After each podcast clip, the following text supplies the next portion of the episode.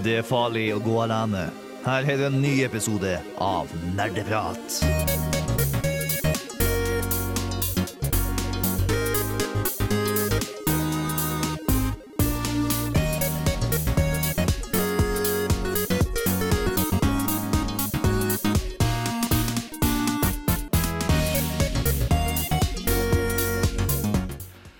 Hei og velkommen tilbake til nok en ny episode av Nerdprat, spillmagasinet på Radio Revolt. Vi skal snakke om ja, actionrollespill. Eh, Det er ikke Bård så veldig enig i, og jeg er heller ikke enig i det. det. en subsjanger. Ja, eh, men den har ofte blitt kalt det, da. Men vi skal, eh, for å konkretisere det litt mer, da, så skal vi snakke om Diablo-kloner. I anledning av at Diablo 2 nettopp fikk en remake. Vi er ikke så veldig glad i Blizzard om dagen, men det er fortsatt noe merkverdig med det, da. Sjangeren eksisterer fortsatt, Sjangeren selv om eksisterer fortsatt. ja, Blizzard er litt for jævlig for tiden. Mm. Mitt navn er Håkon, jeg er programleder. Eh, og som dere nettopp hørte, så har vi også med Bård? Og Tai. Time.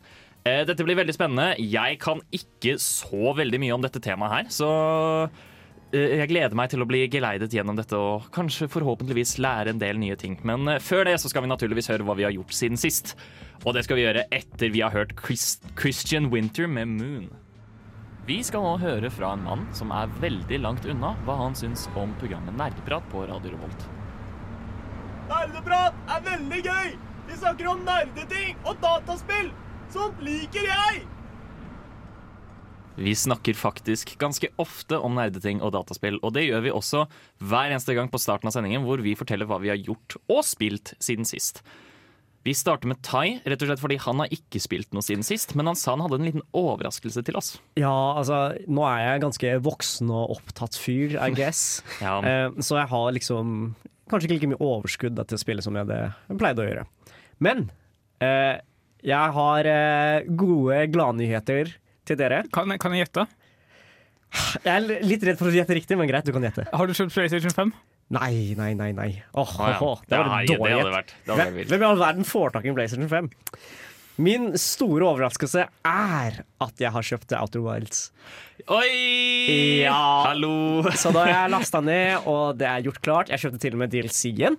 Ja, Så dere har greid å, eh, å ja, mase meg ned, da. Så nå skal jeg faen meg spille det. det var veldig bra at du tok det opp først, fordi eh, jeg var forberedt på å gjøre deg irritert ved å ta opp Outer Wilds igjen. nice. fordi jeg har jo naturligvis spilt DLC-en. Ja. Eh, men supert at du gjør det, fordi det er så bra, liksom. Ja. Det er så jævlig bra. Nei, altså, faen meg på tide. ja, altså jeg, jeg tenker sånn der, når, vi, når vi setter oss ned, og du nevner Outer Wild, så første reaksjon til folk er 'Det er så jævlig bra!'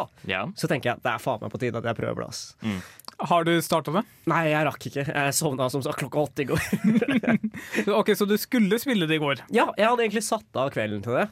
Uh, men jeg var så trøtt fordi jeg tydeligvis er 60 år, 65 år gammel. uh, Men Pensjonist. Betyr ikke det at du kan pensjonere deg snart og drikke enda mer tid på spill? Jo, jeg tenker sånn der, når, når du faen meg legger deg klokka åtte, er du klar til å pensjonere deg. Altså. Ja. Og det gjorde du. ja, det Ja. gjorde jeg. Ja, nettopp. Men vi kan gå over til meg, da, siden vi er på temaet Outer Wilds. Jeg har spilt DLC-en. Jeg skal ikke snakke så mye om det. Takk. Um, men noen ting som var verdt å merke seg, som jeg syns var litt gøy, er først at uh, det- tar faktisk sted i samme univers som du spiller hovedcampaignen i. Ja. Um, bare, og og de, de er veldig smarte på hvordan de introduserer DLC-en i at de gjemmer den som om den alltid har vært der. Men det er også et potensielt problem, fordi det betyr at Tai kan komme seg dit og Ja, så det er Åh, men det er ikke noe man bare snubler over. Altså, det var ganske kryptisk hvordan du fant DLC-en. Okay. ja, det, var, det var egentlig det jeg skulle spørre om. Er det noen risiko for at jeg bare faller inn i DLC-en? Nei. Å nei. Okay. Eh, Det er, det er, hvis det er en eh, risiko, så er den veldig liten. Okay. Fordi det, det er en ekstremt spesifikk ting du må gjøre for å komme deg til DLC-en. Og eh, det var veldig kult å finne ut av det. Samme standard Out of Wilds. Eh, slå, ta, trekk sammen puslespillet, finne ut hva du skal gjøre, type ting. Eh, og det var veldig kult. Så um, ja. Men må du ha fullført spillet for å komme i- til eh, Det vet jeg ikke. Jeg, nei, vil jeg tippe. Det jeg leste på Reddit, var at du må ikke ha fullført spillet, men det er en fordel liksom sånn Uh, altså, For deg så er det fordel om du har fullført spillet fordi da har du bedre forståelse for den, men Ok. visstnok så er det mulig å komme over den. Men ingen av dem sa at det var vanskelig på den måten du gjorde det, så da kanskje, Ja. det, er lett, kanskje det går greit likevel. Eh, kan også nevne at der, eh, Fordi det syns jeg var veldig gøy. Da jeg buta opp spillet, så fikk jeg liksom en advarsel om at der, deler av DLC-en er veldig skummelt. Og det er tydeligvis en egen innstilling for å skru ned spooks. Oh. Eh, for de som er litt mer touchy på sånne ting. Men det, og, og jeg har spilt det, og det er en del skrekkelementer i eh, DLC-en. Og det var overraskende, og det var ganske gøy. Men jeg syns det er så jævlig koselig når developers gjør sånt. Ja, Det er ja det hyggelig. er veldig hyggelig av dem. Det minner meg om i Final Fantasy 14. Det er et raid som er liksom supervanskelig, eller superstraffende hvis du gjør feil og sånne ting. Så der kommer det faktisk en advarsel. Du erkjenner at dette her er supervanskelig, og du ikke nødvendigvis klarer å faktisk fullføre det. Før du lå- i det hele tatt låser opp og kan gjøre det. Ja. Men det- Var det en viktig del av spillet? Nei, nei, nei, det er ikke noe du må gjøre for å få progresjon i spillet. Det er bare sånn et sideinnhold som ikke alle har turt å våge seg inn på engang. Har du lyst til å ta veldig kjapt hva du har gjort siden sist, Bård? Jeg tror ikke det er mulig å ta veldig kjapt. Har du lyst til å ta ett utdrag? Ja, jeg kan, jeg kan gjøre det, fordi jeg har eh, spilt litt uh, diverse spill. Jeg har blant annet spilt uh, Rock of Ages 3, uh, som visstnok var helt ukjent for Håkon inntil i dag. Ja, oppvarming til Super Monkey Ball, så vidt jeg har forstått. Nei, altså, du, du skal rulle en stein eller en kuleformet objekt nedover en bane for å krasje inn i enten et fort eller en stein for å slippe unna en hule. eller sånne ting. Har veldig morsom eh, historie og dialog og alt mulig sånt, og er, var helt fantastisk. Jeg tror ikke utvikleren tjener så veldig mye penger på å slippe spillene, fordi det er ikke veldig stor mange som kjøper det, men veldig gøy. Det, virker, det er et utrolig morsomt konsept, Ja, det, i hvert det fall. er Men, veldig men det er jo sånne prosjekter som også er ofte de morsomste. Ja. Nerdenytt. Vi skal snakke om nerdete nyheter, og det nerdeste tingen har kanskje skjedd. Eller er det nerde... Jeg vet ikke hva jeg sier engang. Um, det var en Nintendo Direct forrige uke. Forrige torsdag. Vi snakket litt om den da. Noen timer etter sendingen vår. Ja. Eh, og det var, um, det, det, det, det, var det var veldig opp og ned, følte jeg, i kvalitet. De Jeg, jeg så den ikke engang, jeg. Nei, de hadde et par uh, litt gøye store annonseringer og et par uh, veldig sånn middels ting, men det er som regel sånn på Nintendo Direct. Men, men hva, hvilke store annonseringer? Ok, hva, La oss heller starte med det Ja. største av dem alle. eh, det største av dem alle som internett virkelig ikke klarer å holde kjeft om, eh, som absolutt må snakkes om, det er castinga for den nye animerte Mario-filmen som kommer ut i 2022. Visste vi at det var en Mario-film som kom før det?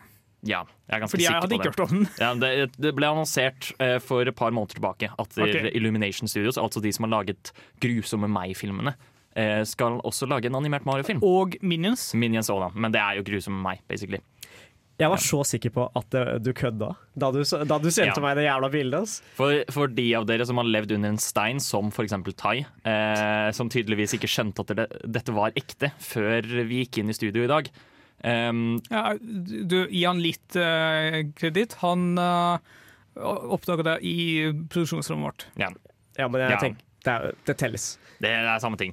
Eh, Men- men, ja, Hvem for, faen caster for det, det var det, da. Mario, selveste Mario, blir spilt av Chris Pratt. Som er utrolig gøy. Ja. Eh, Peach eh, er spilt av Anja Taylor-Joy, som eh, det går helt fint, men jeg tror ikke det er så vanskelig å caste Peach sånn egentlig. Du må bare Jeg vet ikke være kvinne. Er det, er det, er det fælt å si?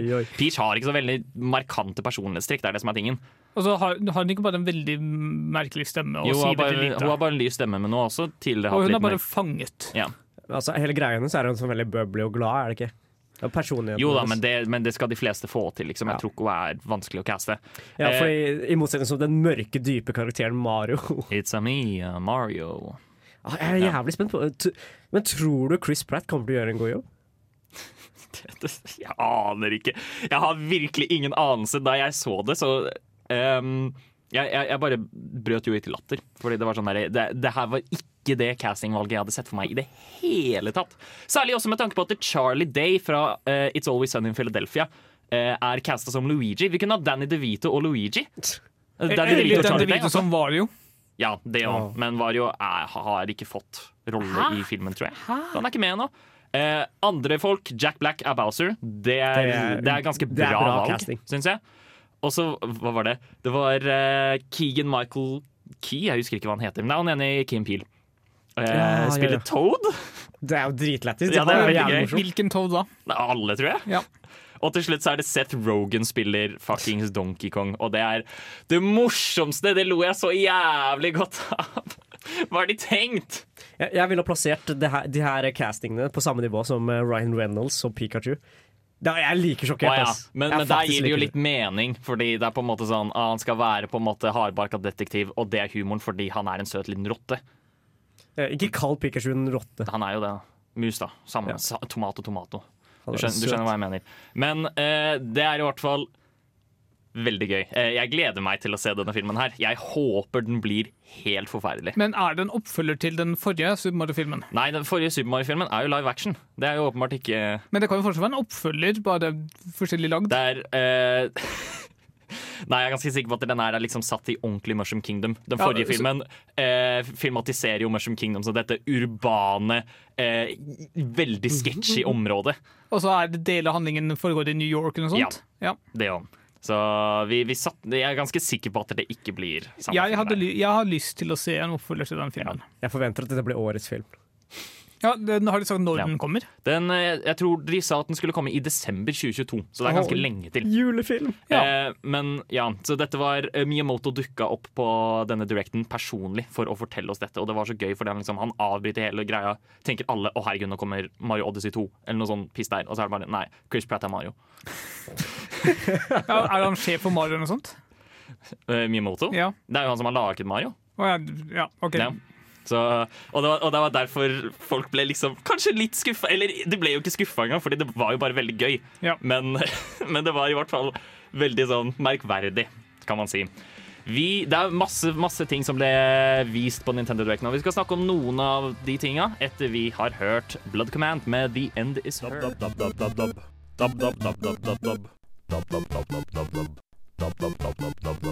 Nerdeprat er i storsalen. Ja, det er jo feil. Vi er jo ikke i storsalen. Men eh, Vi, vi kan late som. vi, vi har vært i storsalen. Nintendo Direct kan liksom sammenlignes med Storsalen. Ja, faktisk. Det, det vil jeg si. Eh, Ja. Det er på samme nivå, liksom. Vi fortsetter praten med, om Nintendo Direct. Eh, Bård var ikke helt enig med meg om at det var så sjuke annonseringer der. Bajonetta 3 hadde vi hørt om før. Alle Men, visste det kom. men poenget da er at Bajonetta 3 har ikke blitt vist noe som helst da på tre og et halvt år. Og det er derfor det er et, noe kult å faktisk endelig se okay, det, greit. og hvordan det fungerer. Det var også veldig gøy fordi de teasa hele veien opp inntil de viste selve Bayonetta-karakteren. Eh, hvor de teaser at det, å, dette er bare nytt Astral Chain-spill, som er et s- annen type slåssespill hvor du styrer to karakterer samtidig. Er det også lagd av Platinum Games? Det er også lagd av Platinum Games, Ja. som er en Switch exclusive i likhet med Bayonetta 3. Men Så- det er jo merkelig, fordi Astral Chain kom sånn i fjor eller forfjor. Bayonetta 3 har jo vært i utvikling i tre og et halvt år. Eh, men det var derfor de var sånn der ha-ha, lurte deg. Ingen ble lurt av det. Jeg tror ja, vi, vi satser på at en del ble lurt. Men det var veldig kult. Det så veldig gøy ut. Eh, De har svære kaiju-battles nå. Eh, fordi alle disse svære demonene sånn som du kunne summone før, eh, var bare en cutscene hvor du drepte liksom den siste bossen, hvor du drepte bossene og sånt med denne tingen. Nå kan du bruke de i combat, Ja. og det virker kjempekult. Vi satser på at det blir bra. Men kom de endelig med en dato? 2022. 2022, Ja, ja. skyld- ja. det- ikke noe Så nå har, de, men- nå har det gått fra en eller annen gang til neste år. Som er eh, Det det er bra. Ja. Det liker vi. Et skritt om gangen, Ja. liksom. Men jeg må jo si at Kirby-annonseringen var ganske ny, i hvert fall. Jeg, ikke, jeg er ikke så veldig interessert i Kirby sånn generelt, Den er- men Det er, eh, ja, De annonserte nett, eh, nemlig et annet spill også, som heter Kirby and the Forgotten Land. Eh, og denne er interessant fordi dette er første gang noensinne Kirby har vært i 3D. Ja. Eh, selv, selv, ja. selv spillene på GameCube eller Wii eller Nintendo 64 eller hva det var. Nintendo 64 som var sånn 'Å, shit, vi kan gjøre 3D', så var det en 2D skyscroller. ja, Bare med 3D-grafikk. Fordi Kirby. Ja, fordi Kirby. Eh, så her prøver de faktisk noe nytt med Kirby. Eh, ser ganske gøy ut. Gleder meg til å se mer av det. Men alt dette her ble overskygget av alle skuffelsene i mine øyne. Jeg så ikke på den direkte, men jeg har fått med liksom hva som har skjedd i etterkant. De kommer med Nintendo 64-emulator, men du må betale ekstra på, for de per måned. Ja, De økte prisen på Nintendo Switch Online i bytte mot at du endelig, endelig kan spille Nintendo 64-spill Ja. og Sega Genesis-spill. Eller du kan betale ekstra for den funksjonaliteten, Ah, ja, eller du kan beholde eh, den nåværende prisen og ikke få det. Ja. I ikke så kommer det en 1964-kontroller og Genesis-kontroller, Det tror var jeg. så Hvorfor i helvete vil du ha en Nintendo Det er den 64-kontroller? verste kontrolleren Ja. som har eksistert. Det, det blir for dumt. Ja. Men eh, når du spiller på emulatoren, må du også kjøpe spillene i tillegg? Nei, eh, du abonnerer på Nintendo Switch Online, og da får du tilgang til emulator så lenge du er abonnent. Ja, det er, det er virtual console, kalles det. Okay. Så- du kan spille gamle spill på den nye konsollen. For de som har PlayStation, lignende PlayStation Plus, som er liksom, du har tilgang på spillet så lenge du abonnerer, og når du ikke abonnerer lenger, så mister du tilgangen. Ja. okay. Bare at der er det faktisk ordentlige, tredje, altså ordentlige titler som er store og sånt, mens det er det ikke her. Ja, Det var veldig fint. Det var veldig gøy at Banjo Kazooie endelig fikk være på Nintendo 64 Virtual Console, men samtidig er det virkelig verdt Ja. ekstra penger for Nettopp. å spille det på Switch. Hvor mye er det snakk om, da? Det, Det- det, er bare ekstra penger. Det er, Ja, Nintendo de er jævla grådige. De har det verste online-tilbudet noensinne, og nå øker de prisen for å gi deg veldig lite i verdi. Mm. Jeg ble også skuffet. Det var ikke noe Metroid Prime 4-informasjon. Ikke noe Shin Megami Tensei 5-informasjon, tror De, jeg. de viste eh, på ekte tre sekunder av Shin Megami Tensei 5. Ja, Men ikke noe dato. Det kan Nei. være de 2025, liksom. Nei, det var bare sånn derre eh, de, de pleier å ha sånn derre i halvveis inn i directen sin om en svært montasje av Det her er alle spilla vi får etter hvert! Dere får, ikke, dere får se bitte litt av det. Ikke nok til å danne en mening om det, men disse kommer, og Shin Megami Tensei 5 var blant disse. Ja. Hva med, hva med Breath of the Wild 2? Hva med nytt Mario-spill? Hva med noe som helst som faktisk er interessant overfor dette? Men, Ja. men det, er, det her er alltid sånn Nintendo Directs er. Eh, de, de kommer med noen annonseringer, og så kommer de med en hel haug med liksom uviktige ting. Kanskje det er derfor jeg ikke følger med på dem. Ja. De, det, det var jo ikke ny Smash-karakter heller. Nei, eh, Smash-karakter kommer Tidlig 5. oktober, ja. Så da, hvis du kom for det, så fikk du ikke det heller. Det er eh, litt trist. Eh, vi kan snakke om denne directen her veldig lenge, men vi må gå videre. Vi skal starte på temadelen vår etter vi har hørt Silja Sol med Puls. Ha-ha, du aktiverte nettopp mitt trap card! Nå er du nødt til å høre på nerdeprat til episoden er ferdig! Nani? Vi skal starte på temadelen vår, som vi har kalt Diablo-kloner. Ja. Ja, og hvorfor har vi ikke kalt det Action RPGs, ja, det- som eh, noen vil argumentere for at det er? Eh, Eller hva, Tai? Uh, Ja, men De fleste ville jo kalt uh, spillene vi skal snakke om, for action eh, RPGs. Uh, populært er det forkortet til ARPG, men jeg støtter Eller forkortelse kan fint leve på sitt eget hånd, men det å kalle Det å si vi skal prate om alle former for action-RPG-spill i dag, er feil. Det hadde Ja. blitt uh, en lang liste med, Ja. med Ja, spill. så vi, vi har blitt enige om at eh, det er Bård som har på seg buksene i nerdeprat, og så har vi bøyd oss i hans vilje. Ja, Ja. det er bra. Eh, ja. Det, eventuelt kan man også beskrive det som uh, uh, en isometrisk eh, dungeon crawler. Er det mulig? Isometrisk Mm. hack and slash Ikke nødvendigvis dunge... Litt Vi kalte det egentlig vel bare en isometrisk Diablo-klone. Ja, eller ni- eh, alle Diablo-kloner er Ja, isometriske, det er men det er isometrisk action-rollespill med, med hack and slash-elementer. Ja. Eh, men i og med at vi skal kalle det Diablo-kloner, burde vi kanskje forklare det ut ifra Diablo? Ja, eller problemet er jo at Diablo var veldig stort for kanskje sju år siden, da Diablo 2 kom ut og tok hele verden med storm. Ja. Men etter det har vi sett hele ett Diablo-spill komme, og veldig fort bli litt glemt. Men det er jo på en måte Diablo som eh, har som er grunnen til at det veldig mange assosierer begrepet action RPG med nettopp denne type spill. Ja. Mm. Så det er derfor vi tenker at det kanskje kan være lurt å forklare ut fra Diablo. Ja. Ja. Vi skal snakke om det senere i sendingen også, men eh, Men Ja. eh, vi kan vel bare kjapt forklare Diablo. Det er isometrisk eh, synsvinkel. hva er isometrisk synsvinkel? Kan du forklare Ovenfra skrått. Ja. Eh, Så du ser sånn ovenfra Du styrer karakteren din, tredjeperson ovenfra, skrått nedover. Ja. Eh. Som regel ved å klikke på bakken og Mm. bruke ferdigheter da med museknappene og tastaturet. Mm. Eh, ja. Eh, Spill, disse typer spillene er vel veldig preget av måten de håndterer utstyr på, da. Så du oppgraderer veldig ofte utstyr. Du får det, mye av spillet handler om å få det riktig type utstyr og det, det, det, det bare tømmer utstyret i hodet ditt. Så det er en eller annen eh, lampe i hodet ditt som bare blinker som et faen hver gang du bare ser masse lut. Det er lut! Ja, så det er, det er noe veldig, veldig tilfredsstillende med sånne typer spill. da. Ja. Ja. Uh, ofte mange fiender, varierte mange hemmeligheter som du kan finne underveis. Uh, alt fra veldig enkle til veldig komplekse ferdighetssystemer og bonuser. Og litt varierende historie. Noen er veldig bra, andre er ganske middelmådige. Ja. Hva, hva ville du sagt eh, om Diablo sin eh, story? da? Diablo 3, som er den eneste jeg ordentlig har spilt, likte jeg egentlig ganske greit. Ja, helt enig. Jeg syns storyen der var veldig grei. Ja. Eh, men de, de brukte den ikke på samme, like mye som de kunne ha brukt den. da. Nei, det var liksom ikke det beste jeg har vært innom, men sammenlignet med f.eks. Perfect som jeg også har spilt, eh, så Extra sine så bare fulgte jeg nesten ikke med.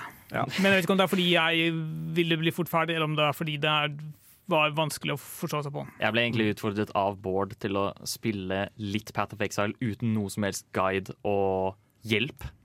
Jeg, Eller tips, eller hva enn det var. mer om Eh. det senere, når vi skal prate om eh, kompleksitet og ferdigheter og Ja, sånt. rett og slett. Um, Det, det er en veldig god grunn til det var akkurat det spillet Ja. jeg utfordra deg til ja, å spille. ikke sant. Jeg kan også snakke kjapt etterpå om eh, gangen jeg prøvde å komme inn i Perfect Cell.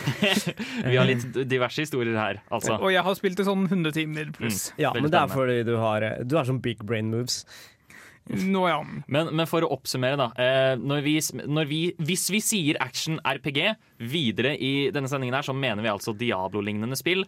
Rett og slett fordi om du tar andre action-RPG-er, eh, Dark Souls, ja. det er jo ikke likt i det hele tatt. Det Nei. kan ikke dras under samme kam. Eh, Korrekt. I tillegg, eh, jeg leste faktisk, og det syntes jeg var gøy, og det er at der, eh, Zelda ble regnet som en action-RPG på et tidspunkt. Nei, nei, før nei, nei, det ble rekategorisert som en action-adventure. Ja. Som passer det bedre. Men der har du i hvert fall det vi skal snakke om i dag. Det, det er ikke mye rollespill i Selda. Nei, det er ikke det. Det er faktisk minimalt med rollespill selv, så jeg forstår egentlig ikke helt den selv. Nei. Men det er vel at du spiller en karakter, da. Ja. Er det rollespill? Du spiller en rolle, du spiller rolle som en helt. Ja. Martin, gutten min, du må komme deg middag!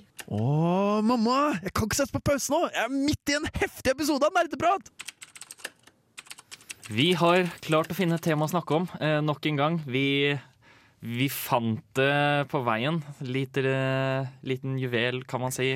Det er lut. Det er vår lille skatt. Ja, Ja, lu, lut, luten vi har funnet, er temaet lut i seg selv, er poenget. Ja, Ja. bra det, Håkon. Nei, Du, altså, du er et litterært geni. Jeg vet, jeg vet. Ja. Tusen takk. Ok. Men ok, Eh, pff, greia med Som nevnt, da. eh, greia med loot i uh, Diablo-kloner eller ARPGs, da. Det er jævlig tilfredsstillende. Det er sånn ja, tenk, Rett på sak. ja, men vi, altså, jeg skal ikke Jeg skal ikke late som du ikke spiller det er, det er et eller annet i min caveman-hjerne som bare lyser opp og blinker som et juletre når jeg bare når jeg slår en hund og det faller hos 15 kniver, er det, gir det mening? Gir det logisk mening på noen måte? Nei.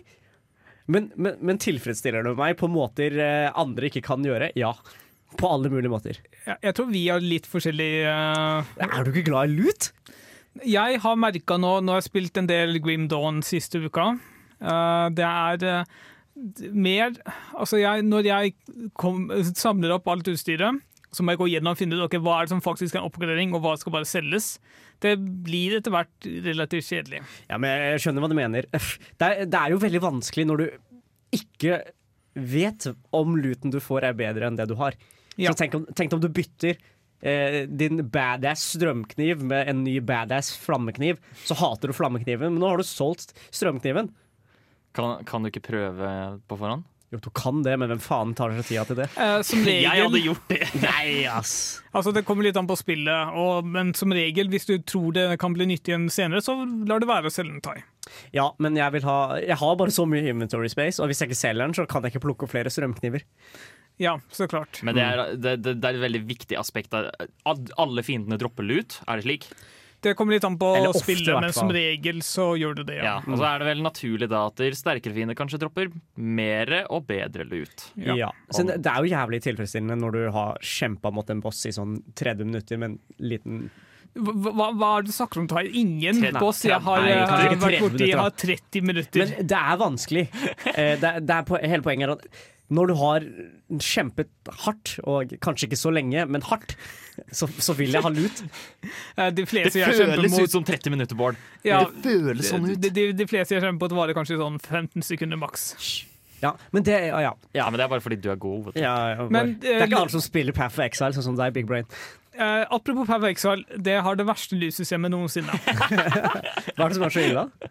Ok, det er, jeg, Nå har jeg hørt rykter om at det kanskje har blitt endret litt siden jeg spilte det selv, men det dukker opp så mye lut at det, er, det blir for mye. Eh, ikke bare sånn overveldende for spilleren, men du har filter som liksom skal prøve å redusere liksom 90% av det som eh, dukker opp. Og, altså Bare det at du har designa spill til at 90% av det som dukker opp, er ubrukelig, Ja. det er ganske dårlig. Men når det i tillegg blir endra og skaper uh, dårligere ytelse, da er det enda verre.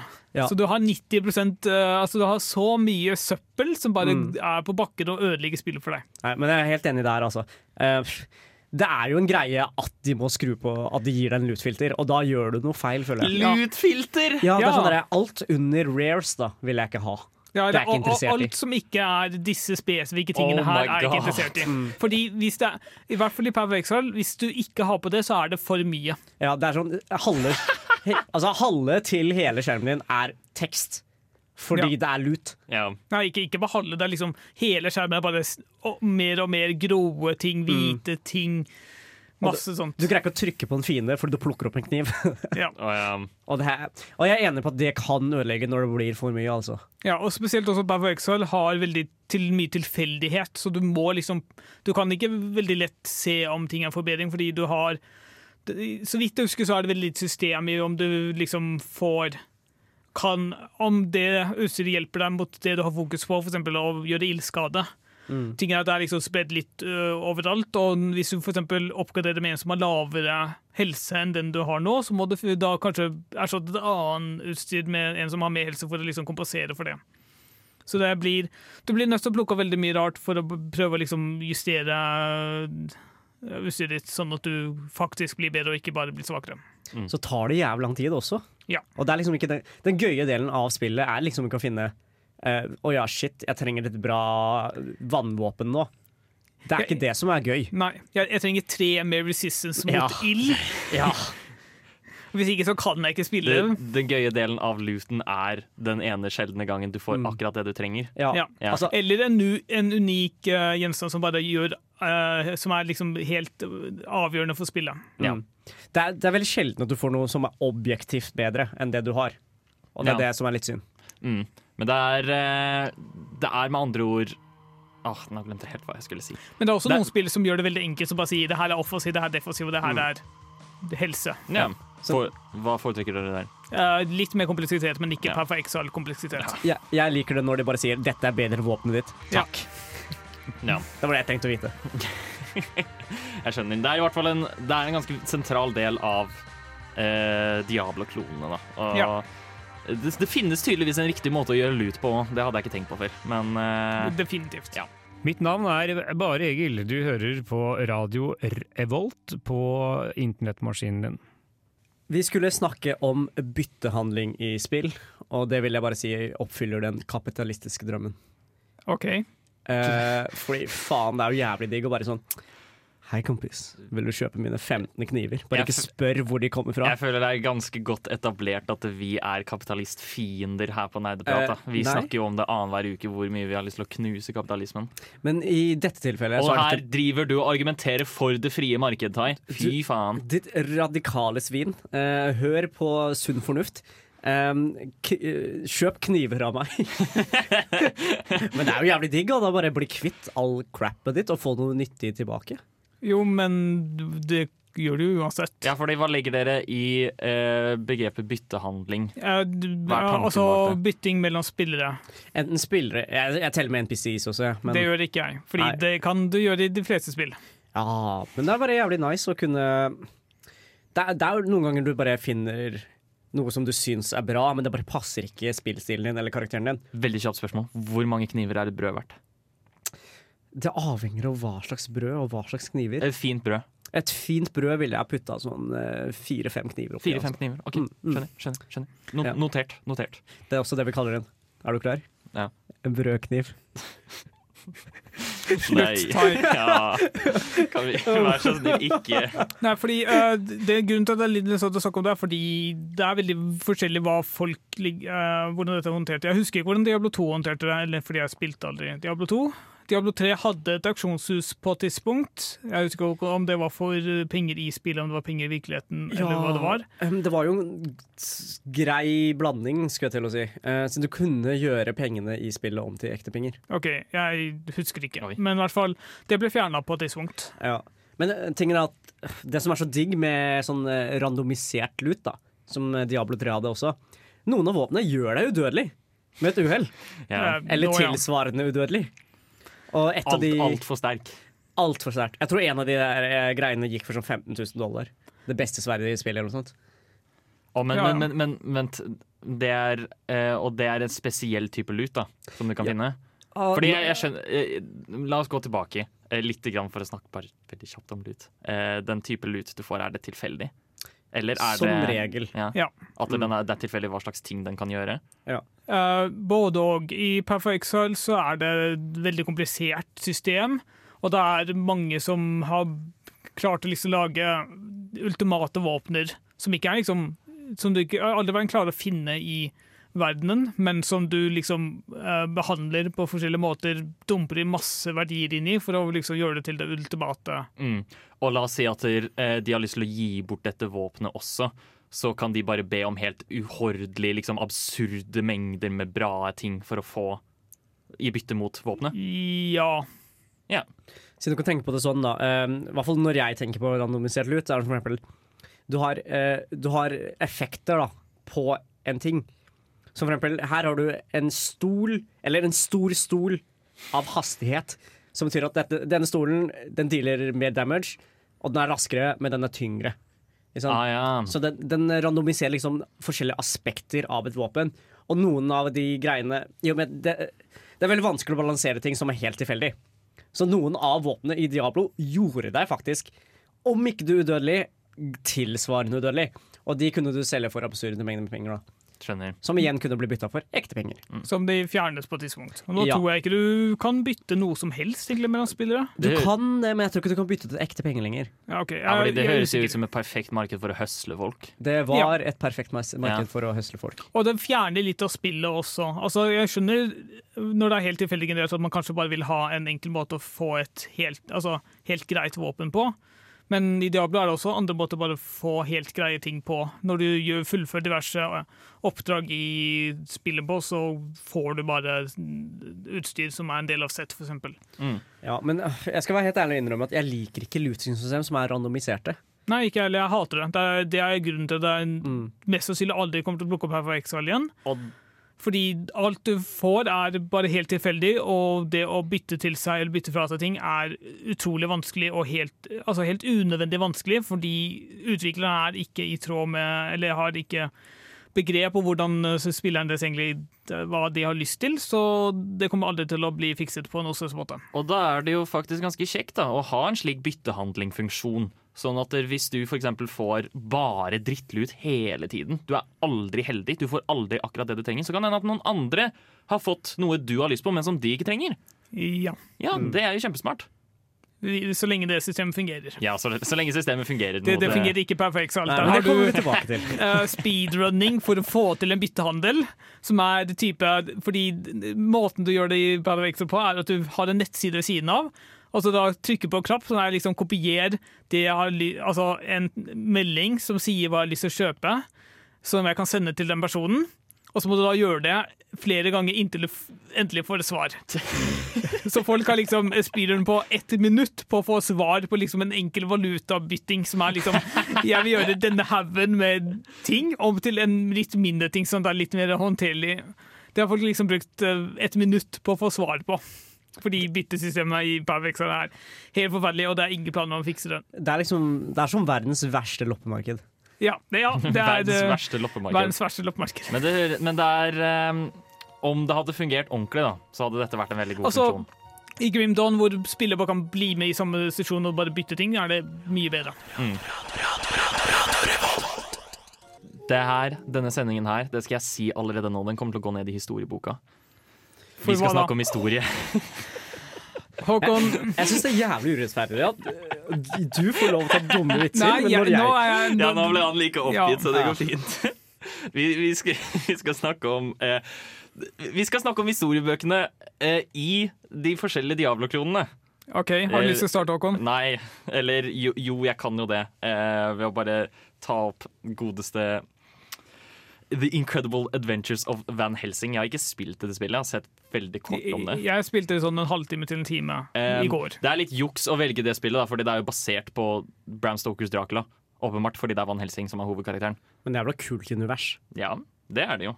Det er, jeg jeg syns jo det er fuckings briljant i det, å bare lage action- action-RPG med Van Helsing som karakter. Altså, med vampyrer og varulv og alt det pisset der. Det er Ja. dritkult. Eh, Tingen er at et godt action-RPG trenger ikke å ha god Eller fokuset er ikke nødvendigvis på historie. Altså, du trenger ikke å være original med historien, i hvert fall. Uh, og folk kommer muligens bare til å ignorere den, så hvorfor ikke bare ta et kjent og skjært historie som Mm. er bra skrevet, istedenfor å lage noe for komplekst som bare ingen skjønner seg på og alle hater. Ja. Jeg, jeg visste helt ærlig talt ikke at Diablo hadde en story. Helt sånn der, ah shit, det er siste boss. Jeg lurer på hvorfor det er en jævla bla, bla, bla, liksom. Ja, Det, altså, det er jo helt sykt. Diablo 3. Ja.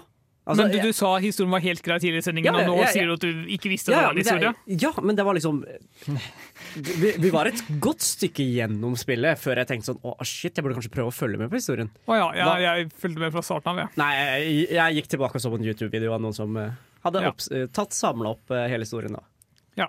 Mm.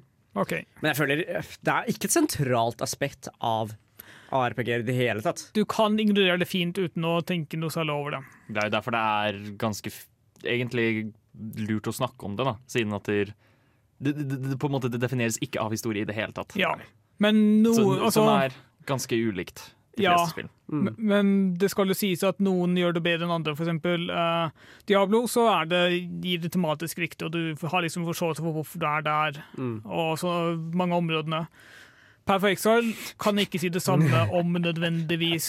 Perfect Exile bare Selv om jeg prøvde å følge med på historien, liksom, så på alle videosnuttene og alt mulig, og lese dialogen, så bare Hva er det egentlig som skjer nå?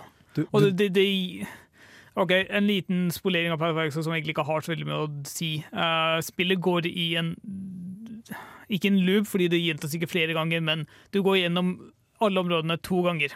Ja. Så det blir liksom elektrisk å bare få vite bare OK, nå er jeg her igjen, hva Og så har ting endret seg, men så er det bare OK, hvorfor er jeg her igjen, egentlig? du driter noe jævlig på Path of Exile, syns jeg. Jeg gleder meg til de stormer studio og lynsjer oss offentlig, fordi Path of Exile-fanbasen er De er lojale. Altså, altså. eh, rett etter førstkommende låt så kommer jeg til å skryte over Perfect Exile, så det er, ikke, det er ikke helt for jævlig. Men da går det fint. Ja. Da, da, da, da, da gir vi oss med Path of Exile-praten for nå, så kommer vi tilbake til det. Ja, uh, kan også nevne fort Grim Dawn, som jeg spilte i det siste, har også ganske grei historie. Det starter liksom med at du blir jeg vet, fengsel eller forlatt fengsel, og så finner du ut at ja, ting begynner å skje litt oppe i nordøst. Det er rykter om eh, noe udyr som eh, dukker opp, og man er litt nysgjerrig på hva han der fengselsvokteren egentlig gjør oppe i eh, boligen hans i den nærmeste landsbyen. Så kan ikke du bare gå opp dit og sjekke hva som skjer, og så finner du ut at øh, når du har gjort det, så finner du ut at å ja, det er noe utøyer opp til vest for oss, kan ikke du bare begynne å gå oppover dit? og vi, vi skulle egentlig hatt litt mat, så kan ikke du gå til nærmeste befolkning der og hente litt mat og sånne ting. Vurderer du storyen når du skal kjøpe en ARPG? Nei Men det er greit å liksom ha noe som er litt lettdøyelig, og noe som bare Du vil bli litt investert. Eksempel i Grim Dawn så velger du på et tidspunkt mellom to forskjellige grupper. Liksom Hvem har du lyst til å støtte? Og det er greit å bare liksom ha en viss peiling på hvem er de, og hva har de gjort, og sånne ting. Ja. Og så er det greit å liksom, hvis du virkelig fatter interesse for spillet, og faktisk kunne føle at du forstår verden du utspiller deg i, og ikke bare er å ja, det er, ja, det er noe gudeting, og eh, ting skjer. Er, jeg spilte i hvert fall gjennom stor del av Torchlight 2 uten å vite hva storyen var. For jeg tenker sånn Hæ, men det, det, det ser du i starten av spillet. De, Jeg fulgte ikke med i det hele tatt. Al- Alkymisten kommer ut av gruvene eller sånt og bare Bård, regner ild over hele området. Og så ser du de to andre heltene fra det første spillet bare bli Alt jeg hører her, er skip cutscene. Det er med andre ord ikke et utrolig sentralt aspekt av actionrollespill. Det viktigste er at det, gir deg en grunn til å gå rundt og hakke ned monstre. Jeg jeg vil Ja. si det heller er ikke stor del av eh, Tai sitt perspektiv på Ja. actionrollespill. Eller for, for å uh, formulere på en annen måte, da, det må ikke nødvendigvis være så veldig komplisert. Nei. Men det er en fin ting å inkludere for å drive deg Og gjerne basere på en, altså, Det å basere seg på en eksisterende historie er også veldig fint. Sånn som Van Helsing. Van Helsing, det er the shit. Jeg Ja. sier det her. Eh, Ja, jeg liker ikke spillet så mye. nei, det, det, det skal jeg ikke si noe på. Det er sikkert helt sant. Ikke fuck med meg. Jeg har kraften til Gud og nerdepappa på min side. Men hæ?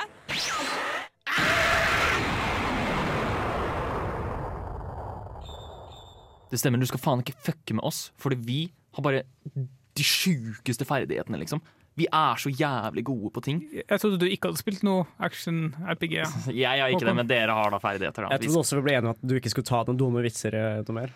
Det, det, det, det var det ingen som sa noe om, Tai. Oh Den syns jeg var OK, Tai, så nå er du alene igjen. Ja, vi skal snakke om ferdigheter, altså de, de, de ulike ferdighetene du kan gjøre Ja. i Diablo-kloner. For å ut en ildkule, hoppe over en Hoppe langt. Jeg vet faen. Jeg jeg syns jo det viktigste er at du kan slå med sverd. Ja, det er min Det er en ganske god ferdighet, egentlig. Å blokkere med skjold. Mm. Ja. Ja. Rulle unna. Trenger ikke så mye mer. Neida. Men eh, de blir jo ofte litt mer komplisert enn det. For eksempel eh, strøm og sånt, som hopper fra fiende til fiende. Oh, ja. Eller gasskyer som eh, legger seg på et visst område. eh, Som gjør masse skade, kanskje mot, bare mot fiender eller mot både fiender og eh, allierte. da Så må tenke litt godt gjennom på hvordan du bruker de. Det er sånn, eh, Jeg vil bare kaste ut at jeg har jo ikke spilt en eneste sånn type action-rollespill, men jeg kjenner jo igjen veldig mange av disse elementene. Kanskje vi skal utfordre deg til å spille ett til neste uke. Kanskje det. Men jeg Det føler vi liksom, det, er, det er veldig sånn der, å, samme å, troper mellom spill, så det, du kjenner liksom Ja. litt igjen. Lyn er jo gjerne sånn hoppe mellom folk. Og det er Ja. jævlig kult. Ja. Men det er også litt uh, veldig varierende i hvor kompleksiteten er. For eksempel Mm. Diablo 3 har nesten ingen kompleksitet, hvor du velger Ja. Fem, fire-fem ferdigheter, og så velger du noen runer som kan liksom Mm. endre dem bitte litt, og så det er valgfriheten du har. Sammenlignet med Diablo 2, hvor du har trær av ferdigheter, og hvis du ikke velger riktig, så kan det hende at du ikke klarer å spille, komme deg gjennom spillet, og du har jeg tror det er én mulighet til å nullstille det treet ditt på. Mm. Og så har du fuckings Path of Exile, Ja. som Kan du ta opp Path of Exile? Eh, aktive ferdigheter eh, Eller du, du har krystaller for alle aktive ferdigheter. Det fungerer ved at du har, starter med liksom en basisferdighet, og så kan du putte ting på den basisferdigheten for å gjøre den mer kompleks. Så for eksempel, uh, da jeg oh, ja, spilte Power Exile, så har du, kan du si at ok, det her er en trylleformel, men den trylleformelen skal bli gjort uh, kastet av en totem som du putter ned på bakken, og den totemen skal også gjøre uh, to trylleformer til samtidig. Og da har du liksom én aktiv ferdighet som du bare plasserer i en totem, som gjør de tre tingene der. og sånt. Og så har du én aktiv ferdighet som er liksom Den går gjennom x antall fiender. Istedenfor å gå rett fram, så går den over og lander ned på bakken. Den varer litt ekstra lenge. Den er forsterket og gjør mer skade over tid istedenfor mindre skade når den faktisk treffer. Så du har liksom en lenke med seks sånne krystaller som bare gjør én, lager én aktiv ferdighet, som er liksom den eneste du bruker omtrent Herregud, så mye. for å komme igjen og spille. Men det er bare de aktive ferdighetene. Eh, De passive ferdighetene er verdens største nettverk av noder, som er helt umulig å navigere for en nybegynner. Jeg trodde du sa at du skulle gi Path of Exile skryt. Jeg. Ja, men altså, kompleksiteten er, gir så mye valgfrihet Eller tingen er at du kan lage så mange forskjellige sammensetninger av ferdigheter som er så utrolig tilfredsstillende å bare si at ok, jeg vil at det skal fungere akkurat på denne måten, og det, som regel så går det. Ja. Men det er utrolig nybegynnerfiendtlig, fordi du må søke opp hvordan du kan optimalt sette sammen dette for å faktisk klare spillet. Og dette skulle dere kaste meg ut i. Men hvis du, hvis du faktisk kommer deg Altså Si at du, du har liker spillet basert på liksom ditt første inntrykk, og så finner du ut ok, jeg har lyst til å spille mer, så kan du liksom begynne å eksperimentere litt selv og bare Kanskje det feiler, kanskje det går bra, Mm. etc. Så jeg, eh, en gang i tiden, prøvde å komme inn i Path of Exile. For jeg syntes også det var skikkelig kult ut da. Så da var mitt geniale første trekk var jo å søke opp på YouTube 'Beginners Guide to Path of Exile'. Vet du hvor lang den videoen var? To timer. To og en halv. og, og, det var, og jeg bare skippa litt gjennom videoen. Og tenkte jeg, ok, Hva er det siste de sier da? And that's how you, get, you level up in the right uh, skill tree in Path of Exile. In the next video Jeg bare OK, jeg er ferdig. En til video. Ja, men det er jo vi skal, vi skal ta opp del to av hvorfor Path of Exile er så vanskelig etterpå. Men uh, jeg tror ferdighetstreet i Path of Exile er kanskje noe av det mest nybegynnerfiendtlige jeg har sett i mitt liv. Ja. Og det verste er at Hvis du går feil, så blir jo spillet jævlig kjedelig. Fordi du, du er ikke så sterk som du trenger å være. Eller så sterk som du burde være, er kanskje mer riktig. Et annet problem med Five er at du må bruke en valuta for å nullstille de passive ferdighetene dine. Og det kan bli fort veldig dyrt hvis ja. du eh, Mm. Ja. Så hvis du leveler feil, fuck you.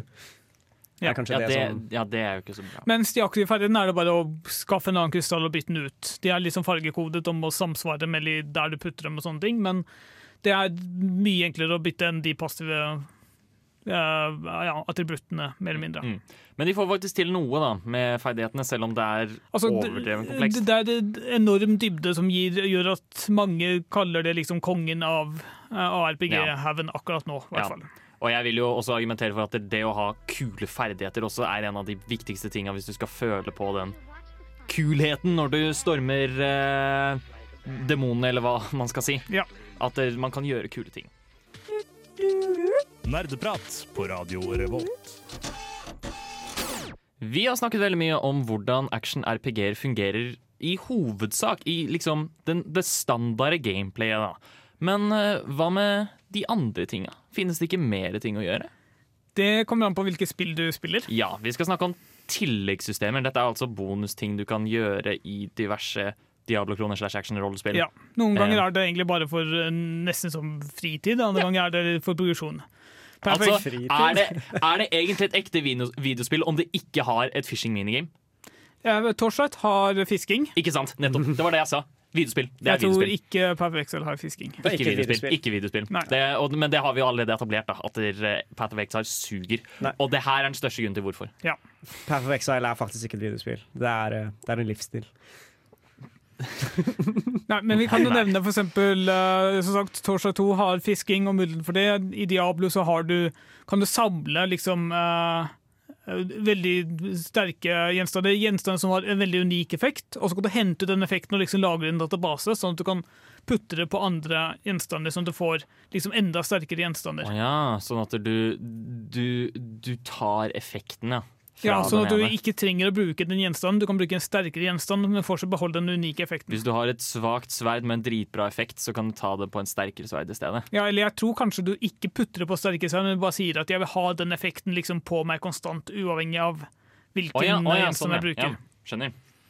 Og så har du Per Exile, da, som hver eneste sesong og liga så interesserer de et unikt system for den ligaen, og så blir det fjerna etterkant. Men hvert, cirka hvert år når det kommer med ny utvidelse, så kan det hende at de legger til systemer fra tidligere utvidelser, eller tidligere ligaer. Og så klart gjør de det. Eh, da jeg spilte, så var det i tillegg til liksom vanlig historie og liksom den, den mest vanlige progresjonen for sluttspillet, som er liksom å gjøre kart og sånne ting, så har du i tillegg Å ja, du skal navigere ned en gruve for å plukke opp ressurser der, eller så kan du gå gjennom en labyrint av uh, forskjellige gåter og sånne ting for å plukke opp gjenstander med masse sterke fiender, eller så kan du uh, gå et spesielt sted og uh, plante ting i hagen din, eller så kan du Ja. Yeah, yes. Perfect er I tillegg så samler du også på monstre. Det jeg helt glemt. Du finner Er Pokémon? Du finner et uh, veldig sterkt monster i et eller annet område du er i, og så dreper du det, og så kommer det en NPC som bare sier 'Å ja, det var fint at du fanga den, den det monsteret, og tar jeg med det til uh, min uh, lokasjon', og så kan du lage nytt utstyr ved hjelp av de monstrene du har fanget, på en eller annen merkelig måte. Hva? I tillegg så er det en annen person som bare dukker opp av og til, som bare sier ja, du, jeg trenger hjelp til å gå, med, gå inn i et uh, hemmelig forglemt tempel, hvor du må navigere gjennom en pyramide og men er ikke dette bare vanlig spill? Jo, men tingen er at stedet, altså det her er liksom, du har en historie i Papa Exile og liksom en vei videre Mm. framover. Men så har vi funnet at ja, men la oss bare Vi trenger noe unikt for denne ligaen for å holde liksom spillerne interessert. Og så bare Ja, men det her fungerte sånn halvveis bra. Kan ikke vi bare ha det permanent i spillet, sånn at spillerne har 15 forskjellige ting å spille samtidig? Bare for å Ja. Jeg, jeg ble veldig overveldet. Jeg tror jeg liksom forholdt meg til kanskje én eller to av dem samtidig. Så jeg tror greia egentlig er at um, tilleggssystemet skal ha et bestemt formål, men det skal, du skal ikke bygge 15 tilleggssystemer. Det blir bare for mye. Ja, jeg, jeg syns Diablo 3 er liksom en grei ting. Du kan liksom, du kan bygge sokkis og sånne ting. Du kan gjøre våpen sterkere på liksom enchanting. Altså, litt sånn småting og sånt. For å gi deg litt fleksibilitet da, når du prøver å liksom komme deg høyere og høyere i vanskelighetsgrad. Mens perfekt så er det bare Du blir overveldet av uh, masse ting å gjøre. Jeg, har, det er sikkert, jeg kommer på nå to eller tre ting jeg har glemt å nevne i tillegg. Ja, det trenger vi ikke. Men jeg syns det høres kos ut at du kan samle monstre. Ja, det er veldig viktig at du husker å fange øgler for å kunne vanne planten din, slik at beina dine ikke råtner av. Ja. Gir absolutt fullstendig mening. Ja, nei, det, jeg, jeg henger ikke med på dette. Og så kan vi jo nevne litt om valutaen i Perfexa, fordi jeg syns også det er veldig interessant. Eh, valutaen deres er et type sånn byttehandelssystem som i middelalderen, hvor du bytter ikke en penge, du bytter en ting som faktisk kan gjøre noe. Så du har all valutaen i Perfexal er ting som kan eksempel gjøre gjenstand du har til en tilfeldig annen gjenstand, eller eh, tilfeldige verdier. Kan gi Så, så, så pengene er fullstendig byttehandel? Ja. Herregud. Voldsomt. Det, det har vært veldig mye hating på Path of Exile. Eh, men jeg syns jo at det, de hadde i hvert fall noen koselige tilleggssystemer. ja, er det fisking? å- Det var ikke fisking, ja. Nei, sant det. men du kommer, kom det. sikkert til å nyte Pokémon. Ja, det, det, er fullt mulig. Eh, vi er ved slutten av å snakke om de forskjellige tingene angående action RPG-spill, så da er det vel naturlig å snakke om sluttspill i action RPG-spill. Og det skal vi gjøre etter vi har hørt Jakob med gunnet. Du lytter til Nerdeprat fra Radio Revolt.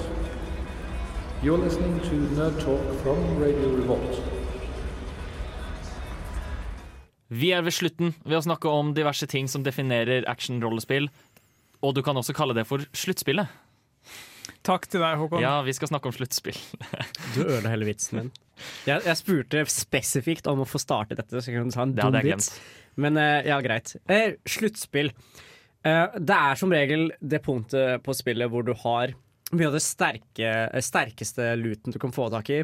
Du har mesteparten av eh, ferdighetene som du har lyst på eller kan få. Du har vel egentlig alle Det Alle- det spørs hvordan du definerer det, ja. Ja. Men uh, du har kommet til et punkt hvor du er veldig veldig sterk. Ja. Og det er ikke veldig mye igjen av spillet. Det kommer an på hvem du spør. Ja, men det spørs hva du har lyst på å gjøre også. Fordi de, fle de fleste spillene er jo ferdig når du har spilt gjennom historien. Men det er sjelden det som er poenget med eh, ARPG-er. Ja. Så du, eh, du bruker veldig mye av tida etter at du har blitt ferdig med spillet, med storyen. Så bruker du på å optimalisere bygg, liksom, måten du har bygd karakteren din på. Som eksempel å skaffe deg tre extra resistance mot eh, flammer, da. Som plutselig tar deg 40 timer. Ja.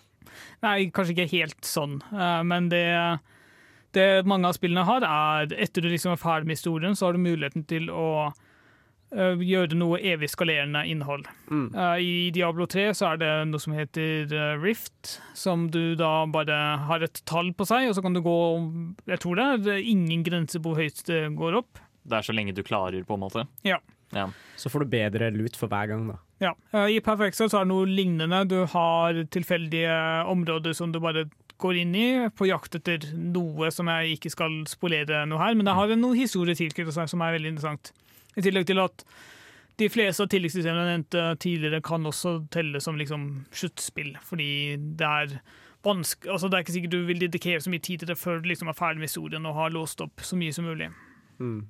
Det er, det er for eksempel ikke noe vits i å bruke 100 timer på å samle Chaos Orbs for å forbedre et sverd som du vet, når du vet du kan finne bedre sverd senere. Ja. Ja. Det er mye, i hvert fall i Perfect, så er det mye av inni, mange gjenstander som du kun kan få fra veldig spesifikke ting som er kun tilgjengelig sent i spillet. Eller altså etter historien faktisk er ferdig. Mm. Uh, I Grim Dawn for eksempel, så vil du kanskje bruke tiden din på å lete etter liksom spesifikke gjenstander. Der er det litt mer sånn Den type gjenstand vil du alltid få fra den type bossen der, og da kan du liksom prøve å få tak i den beste varianten av det våpenet, eksempel. Og dette er for å gjøre sluttspillet enda gøyere igjen. Eller for å gjøre enda mer skade og sånne ting. Ja. Fordi du har, eh, Også i Grim Dawn har du type lignende rift, at du kan gå inn i noe evigskalerende Mm. uh, sted som For å bare se okay, hvor, hvor dypt klarer jeg å gå. Hvor høyt eller hvor dypt eller hvor høyt eller hva enn klarer jeg å gå. Ja. Men jeg, for å være helt ærlig så liker ikke jeg endgamet av RPG-er. Jeg syns det er så kjedelig. Fordi jeg hadde sett for meg at sluttspillet er liksom da hvor Og nå har du fått den beste luten, du har jobbet deg gjennom historien, du har bytta med folk, eh, gjort alle disse tinga, og fått de beste ferdighetene, og så videre. Og, og nå skal du gå berserk, liksom. Nå skal du drepe alt. i sluttspillet. men det er jo det du gjør. Ja. Men eh, du er for sterk på dette punktet. Eh, Da har ikke du spilt lenge nok. Fordi Ah. det, i alle, i hvert fall i Perfect, så tar det veldig mange utfordrende ting som kommer etter hvert. Mm. Eh, jeg har ikke kommet så langt i Grim Dawn til, til jeg kan si noe om det, men det er sånn helt, helt slutten så er det dritvanskelig.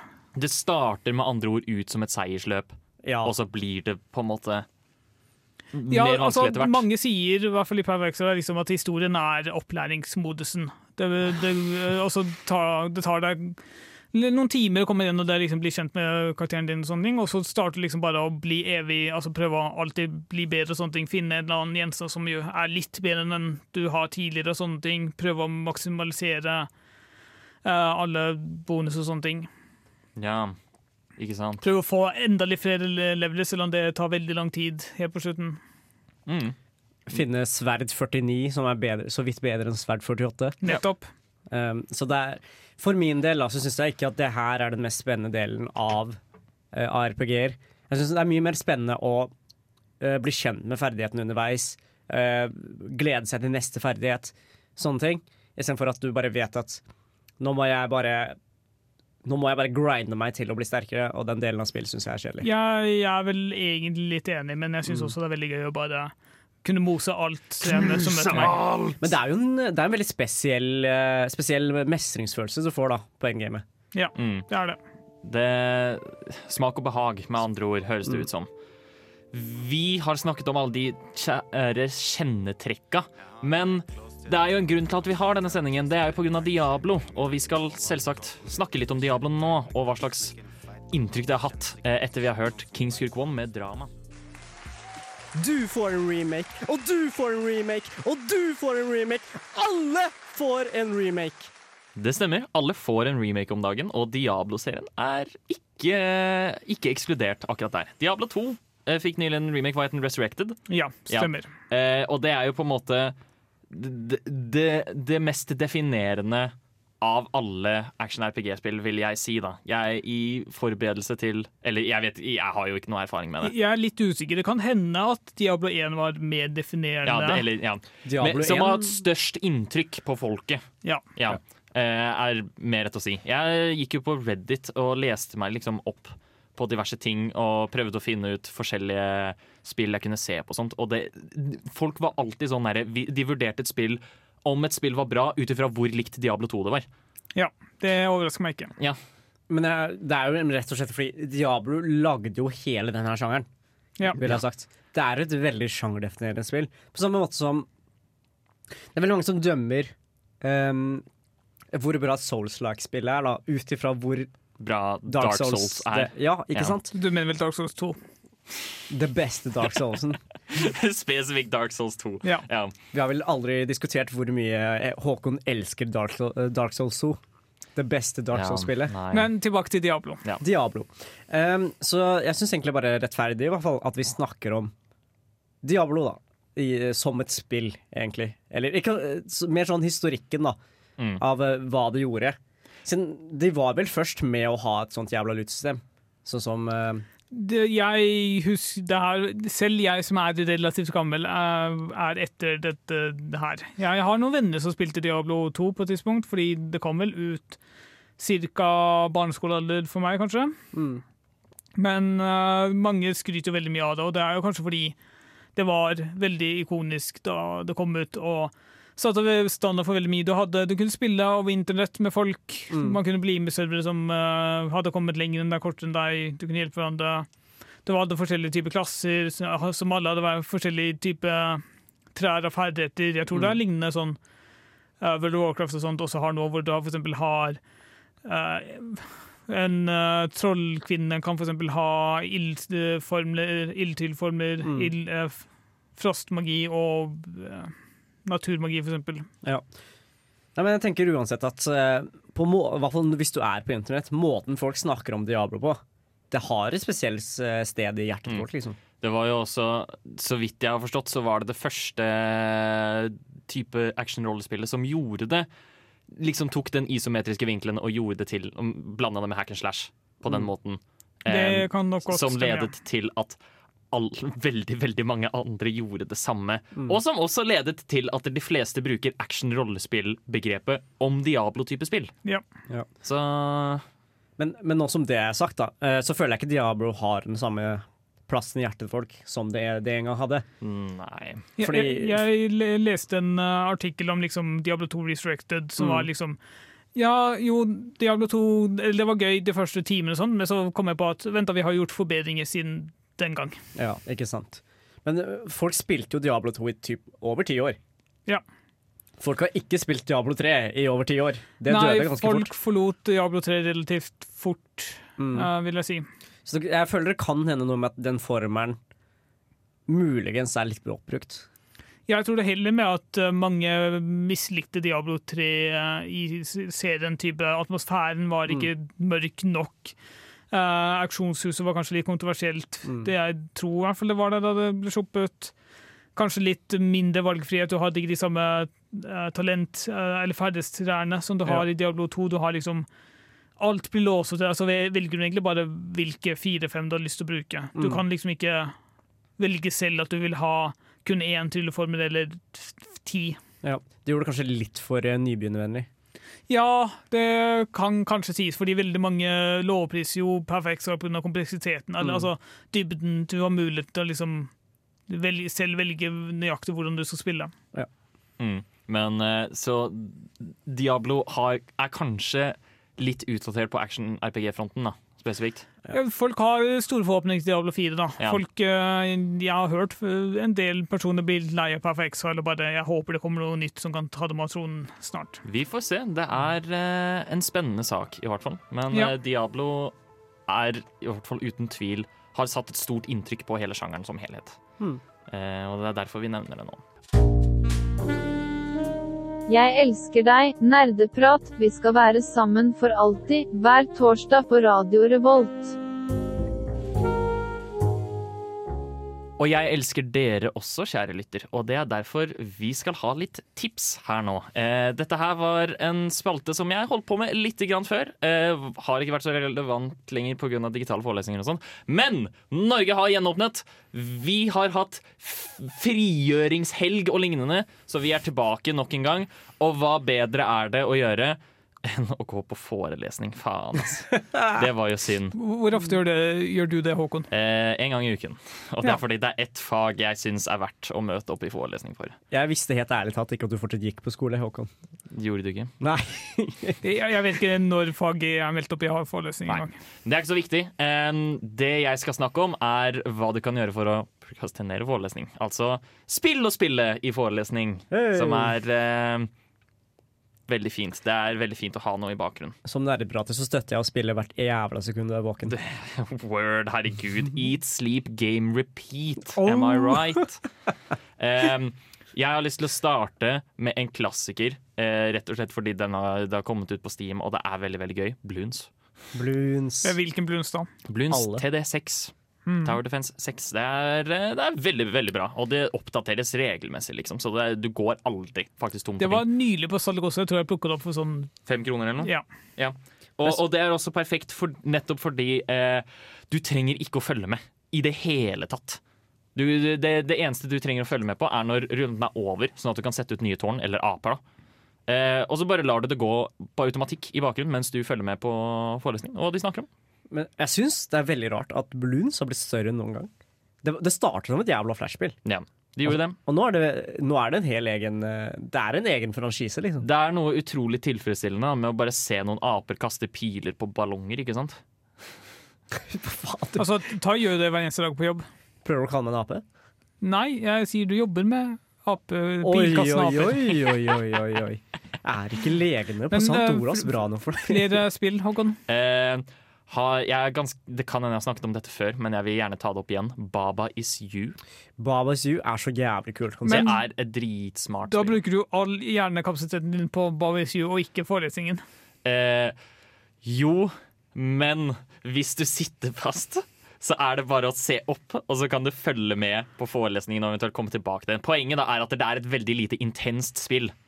Eh, Veldig intens for hjernen. det, det, det, og det krever mye tenking. Det krever hard tenking, men la oss si det er eh, ah, Det verste jeg vet når jeg sitter på forelesning, er sånn derre Ja, da skal vi repetere noe som dere har hatt i et fag, eh, emne, tidligere, liksom. Og da er det sånn derre Ja, men da, da gidder ikke jeg å sitte og høre på det her. Jeg har jo hørt det før. Det er ikke alle som er litt smarte som deg, da, Håkon. Nei, åpenbart ikke. men, da, men da kan jeg heller sitte og følge med på noe annet, som f.eks. hvordan i helvete løser jeg denne gåten i Baba Is You? Baba Is You, for dere som ikke vet, er rett og slett eh, Det blir skrevet diverse regler på brettet, og du kan flytte på brikkene for å fucke opp reglene. For eksempel hvis du har Baba Is You, så betyr det at du kontrollerer Baba. Hvis du fjerner Baba, så styrer du ikke Baba lenger. Men hvis du for da plasserer eh, rock, ordet rock i stedet, så begynner du å styre ste en stein i stedet, hvis det er en stein på kartet. Alle steiner på kartet. Ja. Ja, så da står det sånn Rock is you. Ja. Eh, og, da, hvis du da, for, og da kan du for eksempel ha en annen nå, som er eh, rock is move. Da kan du dytte på steinen, og så kan du eventuelt bytte der igjen, sånn at det blir baba is move og lignende. Så det er, eh, det er veldig sånn fucky eh, tenkespill og utrolig kreative løsninger på ting. Kjempegøy.